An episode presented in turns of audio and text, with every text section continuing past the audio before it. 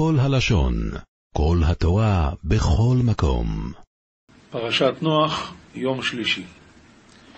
ומכל הוחי מכל בוסו שניים, מכל תובי אל התיבו לאחיויס איתוך, זכור ונקבו יהיו.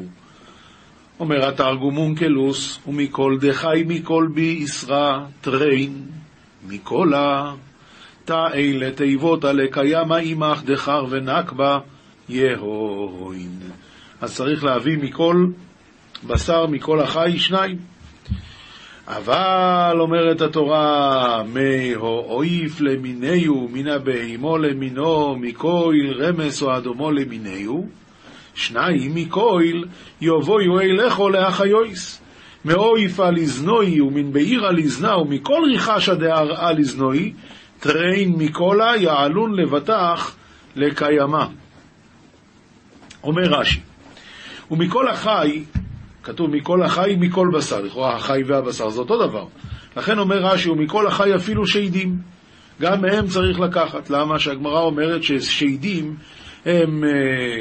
אה, אוכלים ושותים כבני אדם, פרים ורבים כבני אדם, ומתים כמו בני אדם. אז ממילא צריך להכניס אותם לתיבה, אחרת איך הם יישארו אחרי המבול? שניים מכל, אומר רש"י, מן הפחות שבהם. לא פחתו משניים, אפילו מהכי הכי פשוטים, שניים צריך לקחת, אחד זכר ואחד נקבה. ממשיך רש"י, מהעוף למיניהו, הכוונה דווקא אותן שדבקו במיניהם ולא השחיתו דרכם. ומאליהם באו, זה מה שכתוב כאן, מהעוף למינהו, מן הבהמה למינה, מכל רמס האדמה למינהו, שניים מכל יבואו אליך. הם באו לבד. ואיך יודעים באמת שהם היו בסדר? אומר רש"י הלאה, וכל שהתיבה קולטתו הכניס בה. הם היו באים, ואם התיבה מסכימה להכניס אותם, אז הוא ידע שזה בסדר. בקיצור, הכל התנהל פה בדרך של נס. ממשיכה, ממשיכה התורה, ואתו קח לכו מכל מאכול אשר יהי אוכל, ואוספתו אליכו, ואויו לכו ולוהם לאוכלו. ואת, סב לך מכל מיכל דמתאכל, ותכנוש לבטח, ויהי לך ולהון למיכל. נו, יפה מאוד, אז הוא הסתבר גם להכניס אוכל לתיבה. ויעש נויח, ככל אשר ציוו יסוי אלוהים, כן עושו. ועבד נוח ככל דפקד יתי אדינוי, כן עבד. רש"י, ויעש נוח זה בניין התיבה. יש במפורשים שויעש נוח ככל אשר ציווה אותו אלוקים כן עשה, זה הולך גם על האוכל. כי הרי לנוח היה ניסיון עצום. אומרים לו, תשמע, אתה תכניס פה את כל החיות שיש בעולם, כל הסוגים. פילים וקרנפים ופרות וג'ירפות וזברות וכלבים וחתולים, הכל. וכמה אוכל להכניס? מכל מאכל אשר יאכל, והיה לך ולהם לאוכלה. אתה יודע כמה בן אדם היה צריך להכניס? והקדוש ברוך הוא אומר, תכניס מכל מאכל אשר יאכל, מעט. והוא עמד בניסיון והכניס. עוד דבר, הרי, הרי, אומר רב אלחונון וסרמן, לפני המבול, האוכל היה הכל אוויר צלול. אז היה ניסיון עצום להכניס דווקא מהאוכל שהיה לפני המבול. כי מה שיהיה אחרי המבול זה לא מה שיהיה לפני. ואף על פי כן נוח עמד בניסיון, הוא יכניס רק מעט מה שהקדוש ברוך הוא אמר לו, זה ויעש נוח ככל אשר ציווה אותו אלוקים כן עשה. פרק ז' מתחיל פסוק א', ויאמר אדוני לנויח בואי עתו וכל ביסחו אל התיבו, כי אוי סחו רויסי צדיק לפוני בדוי רזה. ואמר אדוני לנויח ולעת וכל אנש ביתך לתיבותה, הרי יתך חזיתי זכאי קדמי בדרא דין רש"י. קודם כל, ראיתי צדיק, ולא נאמר צדיק תמים. אופס, רש"י כבר עומד על השאלה. הרי בהתחלת הפרשה כתוב נוח איש צדיק, תמים היה בדורותיו, אז צדיק ותמים, פה רק צדיק. אומר רש"י, וכאן לא נאמר צדיק תמים אלא רק צדיק, מכאן שאומרים מקצת שבחו של אדם בפניו וכולו שלא בפניו. שם השם דיבר איתנו, ואומר, נוח איש צדיק תמים. פה השם מדבר איתו, וכשמדברים עם בן אדם לא אומרים לו את כל שבחו בפניו, אלא אומרים לו רק מעט שבחו, שלא להכשיל אותו בגאווה.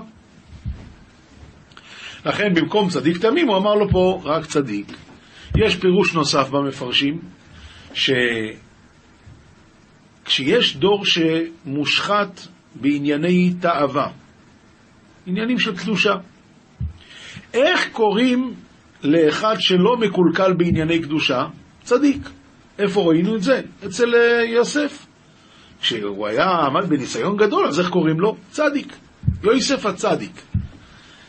אדם שחי בדור שיש בעיות בענייני אמונה, והוא עומד בניסיון, איך קוראים לזה? תמים. תמים תהיה עם השם אלוקיך, ואל תחקור אחר העתידות.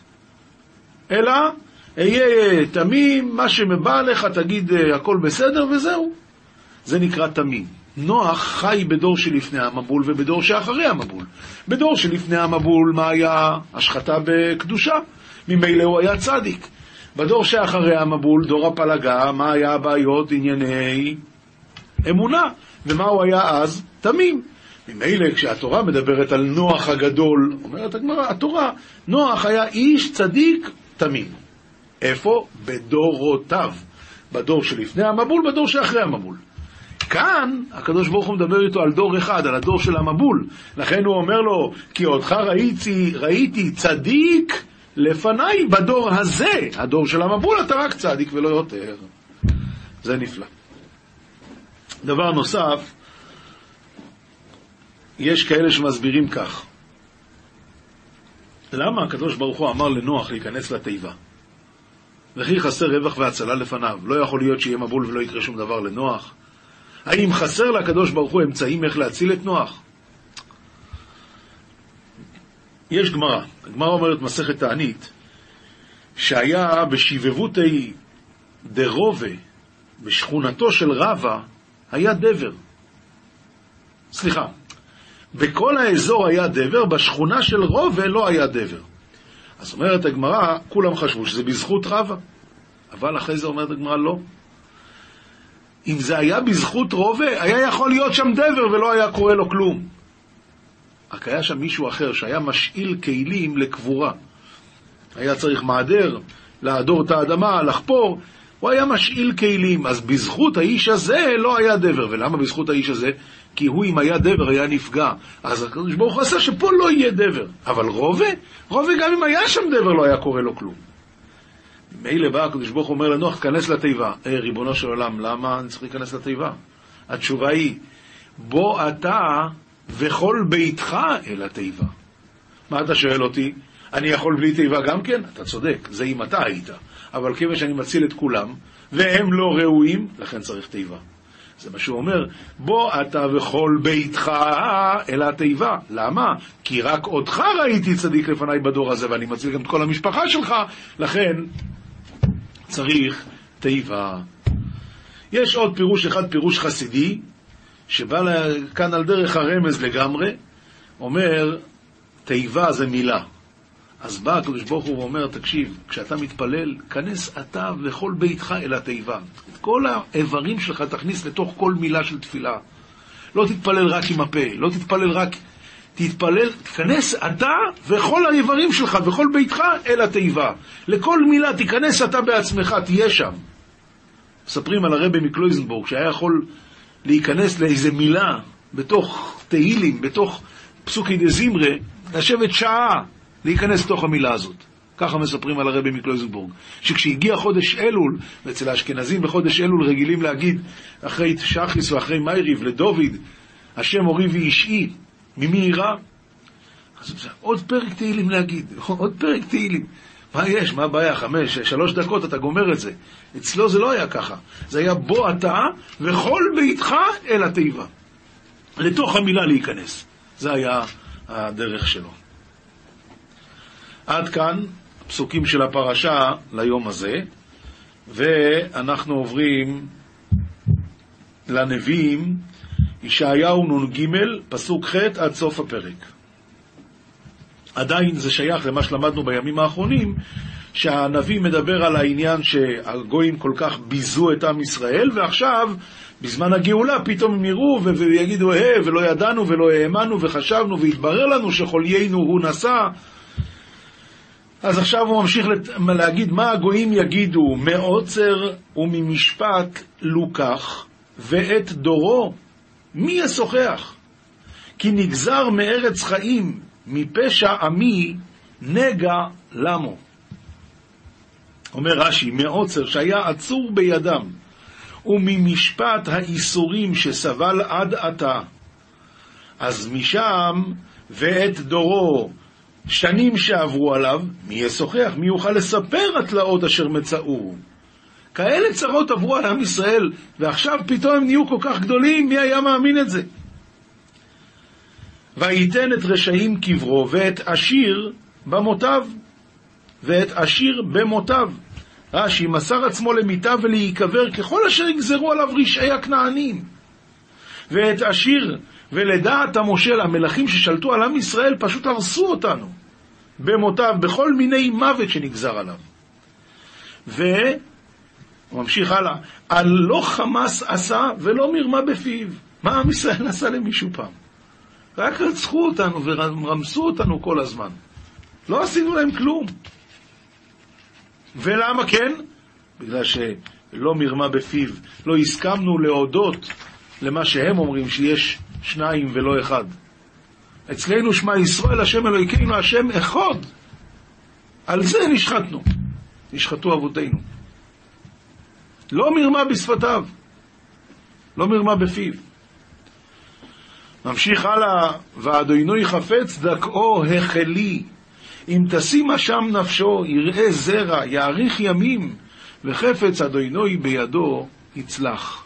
אומר הלאה רש"י, והשם חפץ לדכאו להחזירו למוטב. החלי, החלה אותו, את עם ישראל. אם תשימה שם נפשו שישוב ויתוודה על כל עוונותיו, אז יראה זרע, יאריך ימים, וחפץ השם בידו יצלח. מעמל נפשו יראה, ישבע, בדעתו יצדיק צדיק עבדי לרבים, ועוונותיו הוא יסבול. מעמל נפשו, אומר רש"י, היה אוכל ושבע, ולא היה גוזל וחומס. עם ישראל לא עשה רע. בדעתו יצדיק צדיק, היה שופט עבדיו משפט אמת, וכל עוונותם היה סובל. לכן, החלק לו ברבים, ואת עצומים יחלק שלל, תחת אשר הארה למוות נפשו, ואת פושעים נמנע, והוא חטא רבים נשא, ולפושעים יפגיע. כל האיסורים שעם ישראל סבל בכל הגלות, זה מה שיגרום שבסופו של דבר עם ישראל יהיה למעלה למעלה, למעלה למעלה, והמשיח ישלוט ויהיה מלך עלינו במהרה בימינו אמן. רק לפני שנעבור הלאה, יש כאן פסוק אחד ש... והשם חפץ דכאו החלי. אם תשימה שם נפשו, יראה זרע יאריך ימים, וחפץ השם בידו יצלח. זה הולך גם על בן אדם פרטי. לפעמים רואים בן אדם סובל מאוד, ולא יודעים שבעצם הקדוש ברוך הוא נותן לו את זה בתור מקפצה, בתור אפשרות להתעלות ולקבל דברים טובים. למשל, השם חפץ דכו החלי. אז הוא נהיה חולה. אבל מה רוצים לדעת? הקדוש ברוך הוא מנסה אותו. אם תשים אשם נפשו, אם הוא יתחיל להגיד, אז למה השם עושה לי והשם הזה? או שהוא יגיד, לא, מגיע לי. השם הצדיק ואני ההפך. אז, אם תשים אשם נפשו, יראה זרע. הוא יקבל ילדים טובים, יאריך ימים. וחפץ השם בידו יצלח, יהיה לו סייעתא דשמיא. עד כאן מה שהפשט. בא הרב רב שמלקה מניקלשבורג ואומר כאן משהו, נויפס צופין. אומר הרב רב שמלקה מניקלשבורג, איך בנו את המשכן? ארון, שולחן ומנורה. איך בונים בית יהודי? ארון, שולחן, מנורה. ראשי תיבות, אשם. אשם זה ראשי תיבות, ארון, שולחן, מנורה. בא הקדוש ברוך הוא אומר ליהודי, אם תשים אשם נפשו, אם יהיה לך הבית שלך ארון, עניין של תורה, עניין של לכבד תלמידי חכמים, לאהוב תלמידי חכמים, שולחן, צדקה, תכניס עניים הביתה, תן להם לאכול, מנורה, השראת השכינה. אם תשים אשם נפשו, אז תראה מה שיקרה. בעד ארון, הכוונה, אתה אוהב תלמידי חכמים, מה כתוב על זה? שמי שזוכה לאהוב תלמידי חכמים, יהיה לו בנים תלמידי חכמים. ומי שזוכה לכבד תלמידי חכמים, אז יהיה לו חתנים תלמידי חכמים. מה יש לנו בעד זה פה? אם תשים אשם נפשו, יראה זרע. מגיע לך, כי יש לך ארון בבית, אתה אוהב ומכבד תלמידי חכמים. יראה זרע, יהיה לך ילדים וחתנים תלמידי חכמים. מה זה שולחן אמרנו? שולחן זה השין. מה זה צדקה? צדקה תציל ממוות, ממילא יאריך ימים. מה הדבר השלישי? מנוירו. מנוירו כתוב שהיו עולים לרגל, אז היו פותחים להם את הווילון שם, את, ה, את הקוידש, להראות, תראו, נר המערבי דולק, לא נכבה. להראות חיבתם לפני השם, תראו שיש השראת השכינה. יש השראת השכינה? אז מה התוצאה? וחפץ השם בידו יצלח. כך אומר הרב רב שמלכה מניקלשבורג. אנחנו עוברים לכתובים משלי, פרק ב', פסוקים ד' עד ח'. אם תבקשנה ככסף, זה המשך של מה שלמדנו אתמול. אתמול היה הפסוק האחרון שהוא דיבר עליו, הוא אמר, כי אם לבינה תקרא, לתבונה תיתן קולך.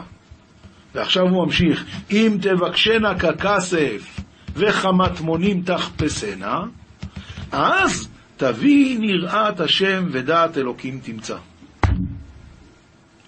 דבר עצום כתוב כאן.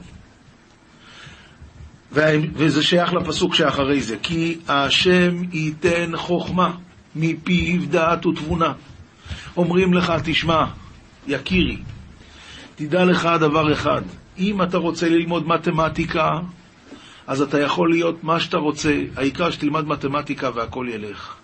אם אתה רוצה תורה, אז תדע לך שתורה זה רק השם נותן. כי השם ייתן חוכמה, מפיו דעת ותבונה. ראית פעם את המלך, הוא מוציא מהפה, נותן לילד שלו לאכול. ככה זה הקדוש ברוך הוא, השם ייתן חוכמה מפיו, מוציא מהפה, ככה גמורה בנידה אומרת, בסוף נידה. מוציא מהפה מה שהוא כבר לעס, את זה הוא נותן. אז אם אדם רוצה תורה, הוא לא יכול רק אם הוא מוצא חן בעיני השם. אז איך עושים את זה? אם תבקשנה ככסף, וכמטמונים תחפשנה. אדם שמבקש כסף, לא אכפת לו שלא יהיה לו נוח. אנשים נוסעים בכל העולם. נוח להם. הטיסות האלה מתישות נורא. אבל מה לעשות, יש לו, יש לו בסין, הוא צריך לשם, אז הוא נוסע לסין. הוא בא לסין, יש שם אוכל כשר בסין? מה לעשות, אז אוכלים סנדוויצ'ים, מביאים איתו, הוא סוחב איתו שימורים, נו מה לעשות? ושם הוא שבועיים שלושה, ואיפה הילדים והמשפחה? הוא לא רואה אותם. אף על פי כן, הוא עושה את זה. למה? צריך כסף. אם תבקשנה ככסף, אתה מוכן לוותר על נוחות? דבר שני, וכמטמונים תחפשנה, כשאדם מחפש מטמונים הוא לא מתייאש. אין אצלו, אתה, תשמע, זה לא נראה לי שזה פה, מה לא נראה לך? יש לך מטמון, ואתה יודע שהמטמון הוא פה, הרי אתה תהפוך את העולם, תעשה עם... עם אה, היה פעם בהלל הזהב, אנשים עמדו ימים שלמים, חודשים, עשו ככה, לחפש זהב. אז מה? חמטמונים תחפשנה. אחרי כל זה, אז תבין, ירעס השם. אז מקבלים יראה. ובלי יראה לא שייך להמשיך הלאה, כי ראשית חוכמה יראת השם. לפני הכל צריך יראת שמיים. וראשית חוכמה זה יראת השם. אז קודם כל, אם תבקשנה ככסף, וכמטמונים תחפשנה את יראת השם, אז תבין יראת השם, ודעת אלוקים תמצא, וזה ההתחלה כדי להבין את החוכמה. ואת החוכמה הזאת אפשר רק אם יראה למה? כי השם ייתן חוכמה מפיו דעת ותבונה. זה לא מתמטיקה. מתמטיקה אפשר ללמוד איפה שרוצים, איך שרוצים. תורה, יש לזה כללים, יש לזה 48 קניינים. אדם צריך להיות קדוש, אדם צריך להיות טהור, אדם צריך להיות בעל מידות טובות. אחרת זה לא הולך, כי השם ייתן חוכמה מפיו, מפיו דעת ותבונה. הוא נותן ורק הוא נותן. בעיניו צריכים למצוא חן. דבר נוסף, אם אדם מחפש כסף, אז uh, קודם כל הוא אף פעם לא אומר, יש לי מספיק. זה עוד לא שמענו. אדם מחפש כסף, אז הוא מחפש. הוא לא מסתפק במעט. דבר נוסף, אם הוא יש לו איזה מפה שהוא יודע איפה יש מטמון, הוא לא מראה את זה לאף אחד, הוא לא רוצה שידעו. ככה אם בן אדם רוצה להגיע ליראה, לתורה, אז קודם כל לא מסתפקים במועט. דבר שני, לא רק שלא מסתפקים במועט, אלא מסתירים. לא לפרסם, לא להשוויץ. כשמפרסמים אז הם מפסידים. דבר אחר, אחרון, יש כאן עניין של משה רבינו זכה להגיע לדרגות הכי גבוהות ועדיין לא נכנס לשער הנון. אנחנו יודעים שיש נון שערי חוכמה, ועד איפה משה רבינו הגיע? עד מ"ט שערים. זה מה שנקרא וחמת מונים תחפשנה. מ"ט, מונים, רק עד שם אתה יכול לחפש את התורה. פסוק אחרון להיום, יצפון לישרים תושייה, מגן להולכי תום, לנצור אורחות משפט, ודרך חסידיו ישמור. אומר על זה רש"י, רש"י במשלי, אומר ככה: יצפון לישרים תושייה, גנזה הקדוש ברוך הוא אצלו, תושייה זה התורה, ולמה נקרא שמה תושייה? שמטש את כוחו של אדם. אז יצפון לישרים תושייה, גנזה הקדוש ברוך הוא אצלו כ"ו דורות עד שנתנה לדור המדבר. 26 דורות זה היה מבריאת העולם עד מתן תורה. ולמה? מגן להולכי תום. כלומר, והיא תהיה לך למגן. יצפון לישרים תושייה. מגן להולכי תום. מה יש? שמי שזוכה ללמוד את התורה, ומי שמקבל את התורה, לנצור אורחות משפט, ודרך חסידיו ישמור. אומר רש"י, שעל ידה ינצרו אורחות ממשפט, והוא דרך חסידיו ישמור, שלא ייכשל לו. זה המשלי להיום, ועכשיו אנחנו עוברים, ועכשיו אנחנו עוברים למסכת יבמות פרק ב', זה המשניות של היום. וכאן המשנה הולכת לדבר על ההלכה שנקראת אשת אח שלא היה בעולמו. כולנו יודעים שאם אדם מת ואין לו ילדים, אז אשתו צריכה להתייבם על ידי אחיו. מה הדין אם האח הזה, שנניח ראובן נפטר, ואז אשתו, שנקראת רחל, צריכה להתייבם לשמעון. אבל זה בעיה, מה קרה? שמעון נולד רק אחרי שראובן מת. זה נקרא אשת אחיו שלא היה בעולמו. ראובן ושמעון הם לא היו ביחד באותו זמן בעולם הזה. והתורה אמרה, כי ישבו אחים יחדיו. כך מתחילה פרשת איבום. כי ישבו אחים יחדיו, ולא הייתה להם ישיבה יחדיו בעולם, אז לא, הוא לא יכול לייבם. זה מה שכתוב. כיצד אשת אחיו שלא היה בעולמו, היא איך היא פותרת את צרתה, וככה המשנה מסבירה. שני אחים, ומת אחד מהם. ראובן ושמעון, וראובן מת. ונולד להם אח רק אחרי שראובן מת. עכשיו נולד להם אח שקוראים לו לוי. ואחר כך ייבם השני את אשת אחיו, כלומר שמעון נשא את אשת ראובן בתור ייבום. ועכשיו שמעון מת, וגם לו לא, היה ילדים. אז עכשיו לכאורה לוי צריך לייבם את שתי נשותיו של ראובן. את האישה המקורית של ראובן, של, סליחה, של שמעון. האישה המקורית שהייתה של שמעון, ואשתו שהיא באה בתור אה, יבמה מראובן. אבל אי אפשר. למה? הראשונה יוצאת משום אשת אחיו שלא היה בעולמו. אשת ראובן לא יכולה להתייבם ללוי. היא אסורה עליו כי אשת אחיו שלא היה בעולמו. והשנייה, זאת אומרת, אשתו המקורית של שמעון, היא נפטרת מאיבום מפני שהיא צרתה של אשת אחיו שלא היה בעולמו, והשנייה משום צרתה. מה הדין אם שמעון לא הספיק לייבם, הוא רק עשה במאמר, ומה זה נקרא עשה במאמר? אמר לה, אריה את מקודשת לי. מאמר אנחנו פוסקים שתופס רק מדי רבנן. אז מה אתם אומרים? אז, אז, אז רק שנייה, אז אשת ראובן היא בעצם קנויה עכשיו לשמעון רק מדי רבנן.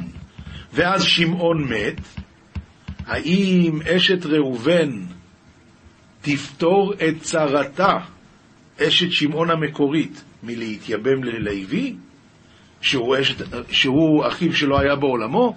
התשובה היא, אם עשה במאמר ומת, אז כיוון שהקידוש היא נמרק מדי רבונון פה, כי היא יבמה, אז השנייה חולצת ולא מתייבמת. חליצה צריך, איבום לא, איבום לא, מפני שבכל זאת מדי רבונון היא פטורה. אה, משנה ב' המשנה ב' היא בעצם כמו משנה א', רק עם הבדל אחד. במשנה א', ראובן מת, ואז נולד לוי, ואחרי שלוי נולד, שמעון הכניס את אשת ראובן. אז זאת אומרת שהיה לנו רגע שבו אשת ראובן עוד לא הייתה נשואה לשמעון, ולוי כבר נולד. כאן משנה ב', לוי נולד רק אחרי שאשת ראובן הייתה נשואה לשמעון. אז הוא מעולם לא פגש אותה בתור אשת ראובן. האם גם אז עדיין נחשב אשת אחיו שלא היה בעולמו? התשובה היא כן. זה המשנה הבאה. שני אחים, הוא מת אחד מהם. וייבם השני את אשת אחיו, ואחר כך נולד להם אח. כמו שאמרנו, אחרי ששמעון הכניס כבר, ייבם את אשת ראובן, רק אז נולד להם אח לוי. ומת, אז עדיין זה לא מפריע לי. הראשון, זאת אומרת, זה לא משנה את הדין. הראשונה יוצאת משום אשת אחיו שלא היה בעולמו, והשנייה משום צרתה. עשה בה מאמר ומת, השנייה חולצת ולא מתייבמת. רבי שמעון חולק. רבי שמעון אומר, מייבם לאיזו מהם שירצה, או חולץ לאיזו מהן שירצה. למה? מפני שסובר רבי שמעון, כיוון שהוא נולד לוי אחרי שאשת ראובן כבר התייבמה לשמעון, אז בשביל לוי בעצם האישה הזאת היא אשתו של שמעון. לא מכיר אותה, לא יודע שהיה פעם ראובן. ממילא, אז בעצם שתיהן נופלות לפני שמעון, לפני לוי, ולכן חולץ לאיזו מהם שירצה, או מייבם לאיזו מהם שירצה. אבל אין הלכה כרבי שמעון. משנה ג' כלל אמרו ביבמה. כל שהיא איסור ערווה לא חולצת ולא מתייבמת. איסור ערווה זה האיסורים דאורייתא של אחותו, ביתו אה, וכולי. ואז במקרה כזה היא פשוט לא נופלת לפניו לאיבום. פשוט לא נופלת לפניו, וממילא לא חולצת ולא מתייבמת. איסור מצווה ואיסור קדושה חולצת ולא מתייבמת. מה זה איסור קדושה ואיסור מצווה? תכף נראה. אחותה, שהיא יבימתה, חולצת או מתייבמת. אחותה שהיא יבימתה, זאת אומרת, היו ראובן ושמעון נשואים לרחל ולאה. עכשיו, מה קרה? ראובן ושמעון נפטרו. לוי צריך לייבם עכשיו או את רחל או את לאה, שהן שתי אחיות. את שתיהן הוא לא יכול לייבם. עכשיו, אם שתיהן, אם הוא היה נשוי לאחת מהם, אז היה ערווה ולא היה נופל לפניו לאיבום. אבל במקרה הזה לא. הוא נשוי לאישה שלישית בכלל שלא קשורה. שתי האחיות נפלו לפניו לאיבום משני אחים שונים. אז הדין הוא שחולצת או מתייבמת.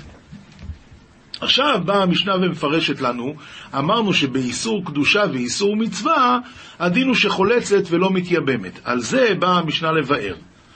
איסור מצווה זה שניות מדברי סופרים. מה הכוונה? אנחנו, יש לנו את הקרובים שלנו, באו חכמים והרחיקו יותר. גם זה נקרא קרוב ולא מתייבם. הוא מביא כאן, הרבינו עובדיה מברטנורו מביא את, ה, את כל הרשימה. למשל, הוא אומר, אם אמו, ואם אם אמו, ואם אם אם אמו, זאת אומרת, כל הדורות קדימה, ואם אבי אמו, ואם אביו, ואשת אבי אביו, ואשת אבי אמו, ואשת אחי האב. בקיצור, זה גזרות דה רבנן. למה זה נקרא איסור מצווה? כיוון שמצווה לשמוע בכל דברי חכמים.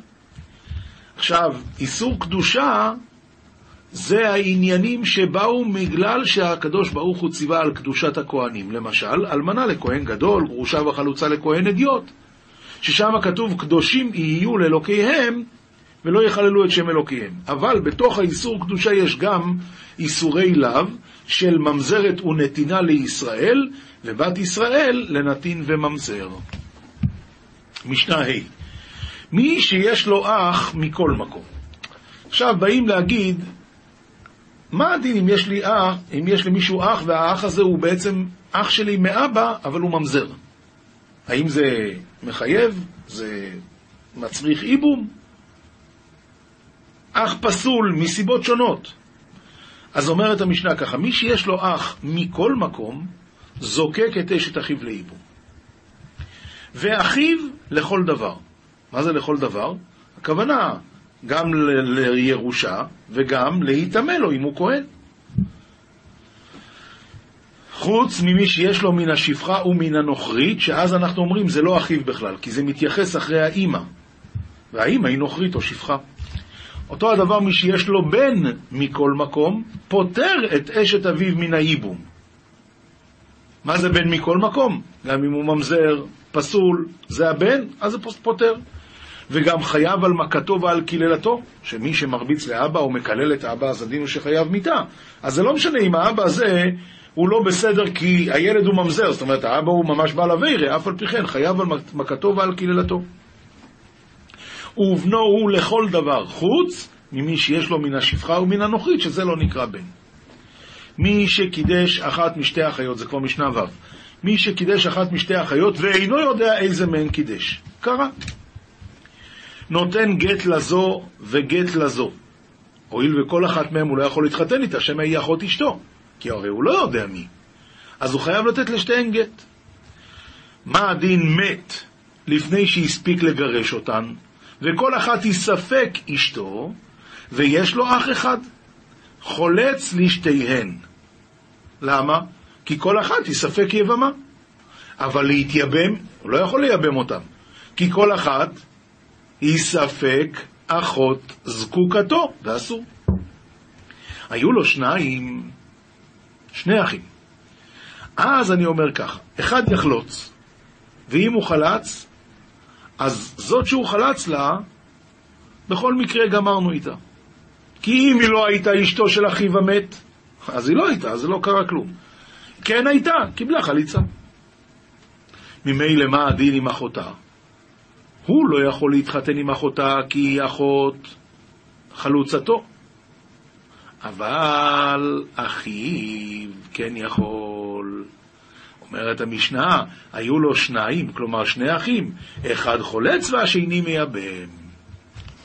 קדמו וכנסו, אם לפני שאחד עשה חליצה, שניהם לקחו כל אחד אחד, כל אחד אחת, אין מוציאין מידם. היי, תגיד לי, אבל הראשון שלקח, לקח באיסור? נכון.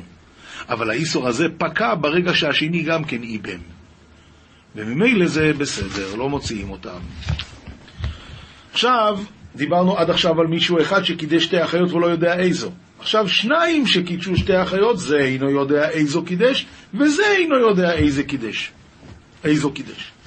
זה נותן שני גיטין, וזה נותן שני גיטין. וכל אחד מהם לא יכול להתחתן עם השנייה, כי אולי היא אחות אשתו. מתו. שני האחים שני האנשים האלה שקידשו את שתי האחיות, מתו. לזה אח ולזה אח, אז שוב פעם אנחנו חוזרים למקרה של המשנה הקודמת. למה? כי כל אחד בעצם, כל אחד ירש ספק, שתי אחיות שהן ספק. אז זה חולץ לשתיהן וזה חולץ לשתיהן, אין מה לעשות. מה הדין? לזה יש אח אחד ולזה שניים. אז היחיד, אין לו ברירה, חולץ לשתיהן, בגלל שכל אחת מהן מספק אחות זקוקתו. והשניים, עכשיו ברגע שאחד יעשה חליצה, השני יכול לייבם. השניים, אחד חולץ ואחד מייבם. קדמו וכנסו, שוב פעם, אין מוציאין מידם, למה? כי אמנם זה שכנס ראשון הוא לא בסדר, אבל ברגע שהשני איבם, אז הראשונה נהיית מותרת לו, ולכן לא מוציאים מידם. לזה שניים ולזה שניים. אחד, שני אנשים זרים, כל אחד קידש אחת משתי אחיות ולא יודע מה, אה, אה, מי הם האחיות, איזו מהם הוא קידש. עכשיו. שניהם מתו ולכל אחד יש שני אחים.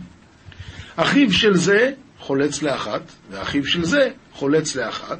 אחיו של זה מייבם את חלוצתו של זה, ואחיו של זה מייבם את חלוצתו של זה. קדמו שניים וחלצו, אופס, אז הם הרסו את כל החגיגה. למה? כי ברגע ששניים חלצו, לשניים האחרים נשאר בעיה, שזה אחות, אה, אחות זקוקתו. לכן, אם קדמו שניים וחלצו, לא, לא ייבמו השניים, אלא אחד חולץ ואחד מייבם. מה הדין קדמו וכנסו? אין מוציאים מידם. משנה ח'. עכשיו עוברים לעניין שלישי פה בפרק הזה, מצווה בגדול לייבם. כשאישה נופלת לייבום, יש חמישה אחים, מי מקבל את המצווה? הגדול. ואם קדם הקטן, זכה.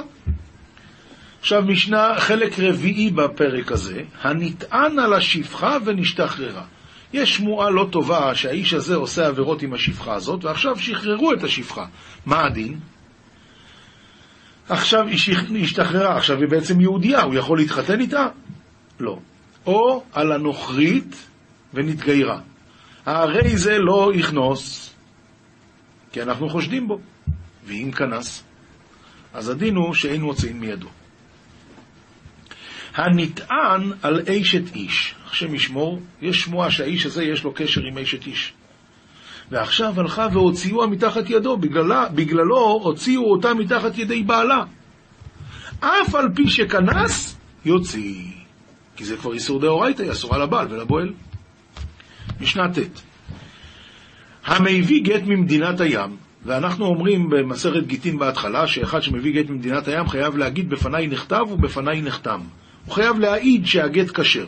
עכשיו, הוא הביא גט ממדינת הים, והוא מעיד שהגט כשר, ועכשיו הוא רוצה להתחתן עם האישה הזאת שהתגרשה. נאמין לו או לא? ואמר בפניי נכתב ובפניי נחתם, לא יישא את אשתו. אתה, אתה, אתה גירשת אותה, אתה עשית את העדות שהיא גרושה, אז מה, אתה רוצה להתחתן איתה? מה הדין? אם בא בן אדם לבית הדין, אומר, רבותיי, האישה הזאת מותרת לשוק. למה? אני ראיתי את בעלה מת, או אני הרגתי אותו. הרגנוהו, כולנו ביחד, לא יישא את אשתו. רבי יהודה אומר, אם הוא אומר הרגתיו, לא תינשא אשתו, אבל אם הוא אומר הרגנו, תינשא אשתו.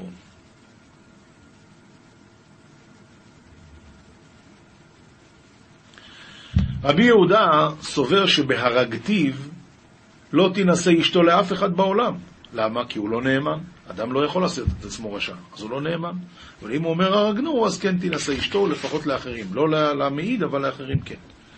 משנה יהודה חכם שאסר את האישה בנדר על בעלה. היא, היא נדרה נדר שגורם שהיא לא תוכל לחיות עם בעלה, והחכם אמר שאין מה לעשות, הוא אסר אותה. הרי זה לא יישאנה. אז הבעלה גירש אותה, עכשיו אומר החכם, אני רוצה להתחתן איתה. אי אפשר. מענה, או שחלצה בפניו, יישאנה. מענה זה ילדה בת, ילדה קטנה, שאבא שלה מת, ואחיה ואימה אה, חיתנו אותה. הדין הוא שזה קידושין דה רבונון, והיא יכולה להגיד, בגיל 12, היא יכולה להגיד לא רוצה, והיא יוצאת החוצה בלי גט, זה נקרא מיעון. או חליצה. חליצה בפני בית דין. אז מה הדין? מותר לדיין לשאת אותה, כי לא הוא גרם את הגט, לא הוא גרם את הניתוק. מפני שהוא בית דין. וכולן שהיו להם נשים ומתו, מותרות להינשא להם. אם באותו זמן שהדיין עשה את מה שעשה, כל הדברים שלמדנו לעיל, ואחר כך אשתו מתה, מותר לו להתחתן עם אותה אישה שהוא אה, גר, עזר לה להתגרש. וכולן שנישאו לאחרים, האישה הזאת שהוא סידר לה את הגט, קודם התחתנה עם מישהו אחר ונתגרשה או שנתאלמנה, מותרות להינשא להן לדיין, וכולן מותרות לבניהן או לאחיהן. זה בוודאי שאין אדם חוטא ולא לו, ולכן אנחנו לא חושדים שהדיין סידר את השידוך הזה לבן שלו או לאחיו. עד כאן המשניות, מסכת יבמות ליום הזה. בגמרא שאנחנו נלמד היום, זה מסכת יבמות דף כ עמוד א', כאן מביאים מחלוקת מה זה נקרא איסור קדושה ומה זה נקרא איסור מצווה. אומרת הגמרא, המה עיקרי לי איסור מצווה? עומר אביי מצווה לשמוע דברי חכומים, כמו שהסברנו במשניות. מה זה איסור קדושה? אלמנה לכהן גדול, גרושה וחלוצה לכהן אדיוט. והמה עיקרי להו איסור קדושה? דכתיב, קדושים יהיו לאלוקיהם. אז זה הולך על הכהנים. תניא, רבי יהודה מחליף איסור מצווה ואיסור קדושה. מה הוא מחליף? אלמנה לכהן גדול, גרושה וחלוצה לכהן אדיוט, זה איסור מצווה. ולמה והמה עיקרי לי איסור מצווה, דכתיב אלה המצוות. זה כתוב בסוף ספר דברי, בסוף ספר ויקרו, וזה הולך על כל המצוות של הכהונה. ואיסור קדושה, הוא אומר שהכוונה לשניות מדברי סופרים. והמה עיקרי לי איסור קדושה? אומר אביי, כי כל המקיים דברי חכומים נקרא קדוש. שואלת הגמורה, אומר לי רובה וכל שאינו מקיים דברי חכומים. קדוש הוא דלא מקרי, רשע נמי לא מקרי.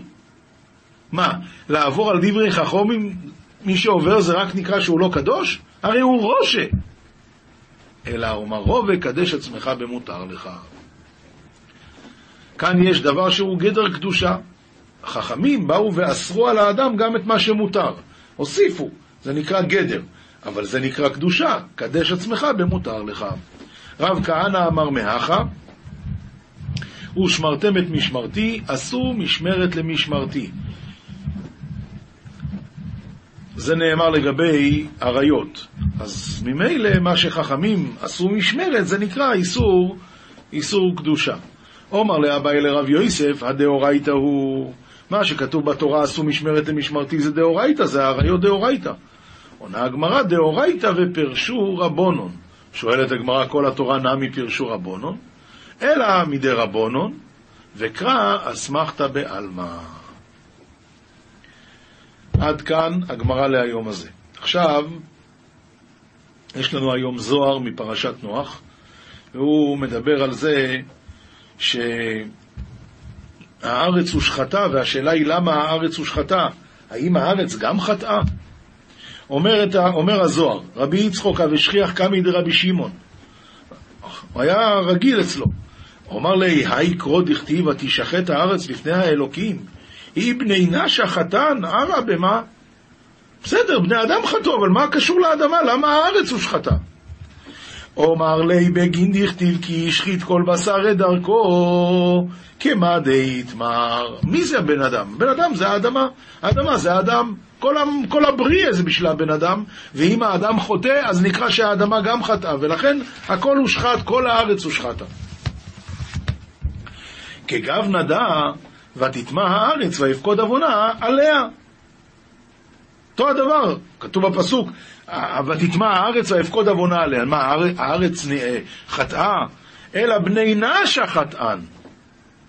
הבני אדם חטאו. והיא תימא ערעה במה? אז למה האדמה נענשת? אלא עיקרא דערא בני נשה אינון. הם עיקר העולם. והינון מחבלין ערעה, והיא התחבא להם, הבני אדם משחיתים את הארץ, והארץ מושחתת. וקרא הוכח, ויש לנו פסוק שמוכיח על זה דכתיב, וירא אלוקים את הארץ, והנה היא נשחטה. ולמה? כי השחית כל בשר את דרכו על הארץ. אז זאת אומרת שכשבני אדם עושים עבירות, זה משפיע אפילו על האדמה, והיא נקראת, האדמה הושחתה. תאחזי כל חטאוי דברנש כולו חבלותא דילי תליין בתשובה. אדם עושה עבירות, הכל תלוי שיעשה תשובה. וחטא דאושית זרעה על הרעה, ומחבלה אורחי והפיק זרע על הרעה, מחבלי ומחבל הרעה.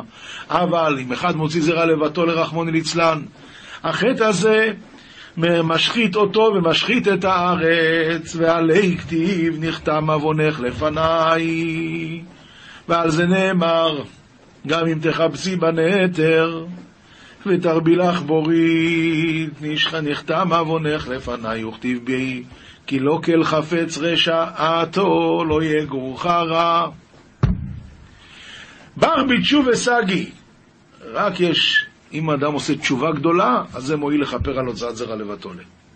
וכתיב ויהי ער בכור יהודה רע בעיני השם וימיתהו השם, והאיתמר. אנחנו יודעים בדיוק מה היה שם.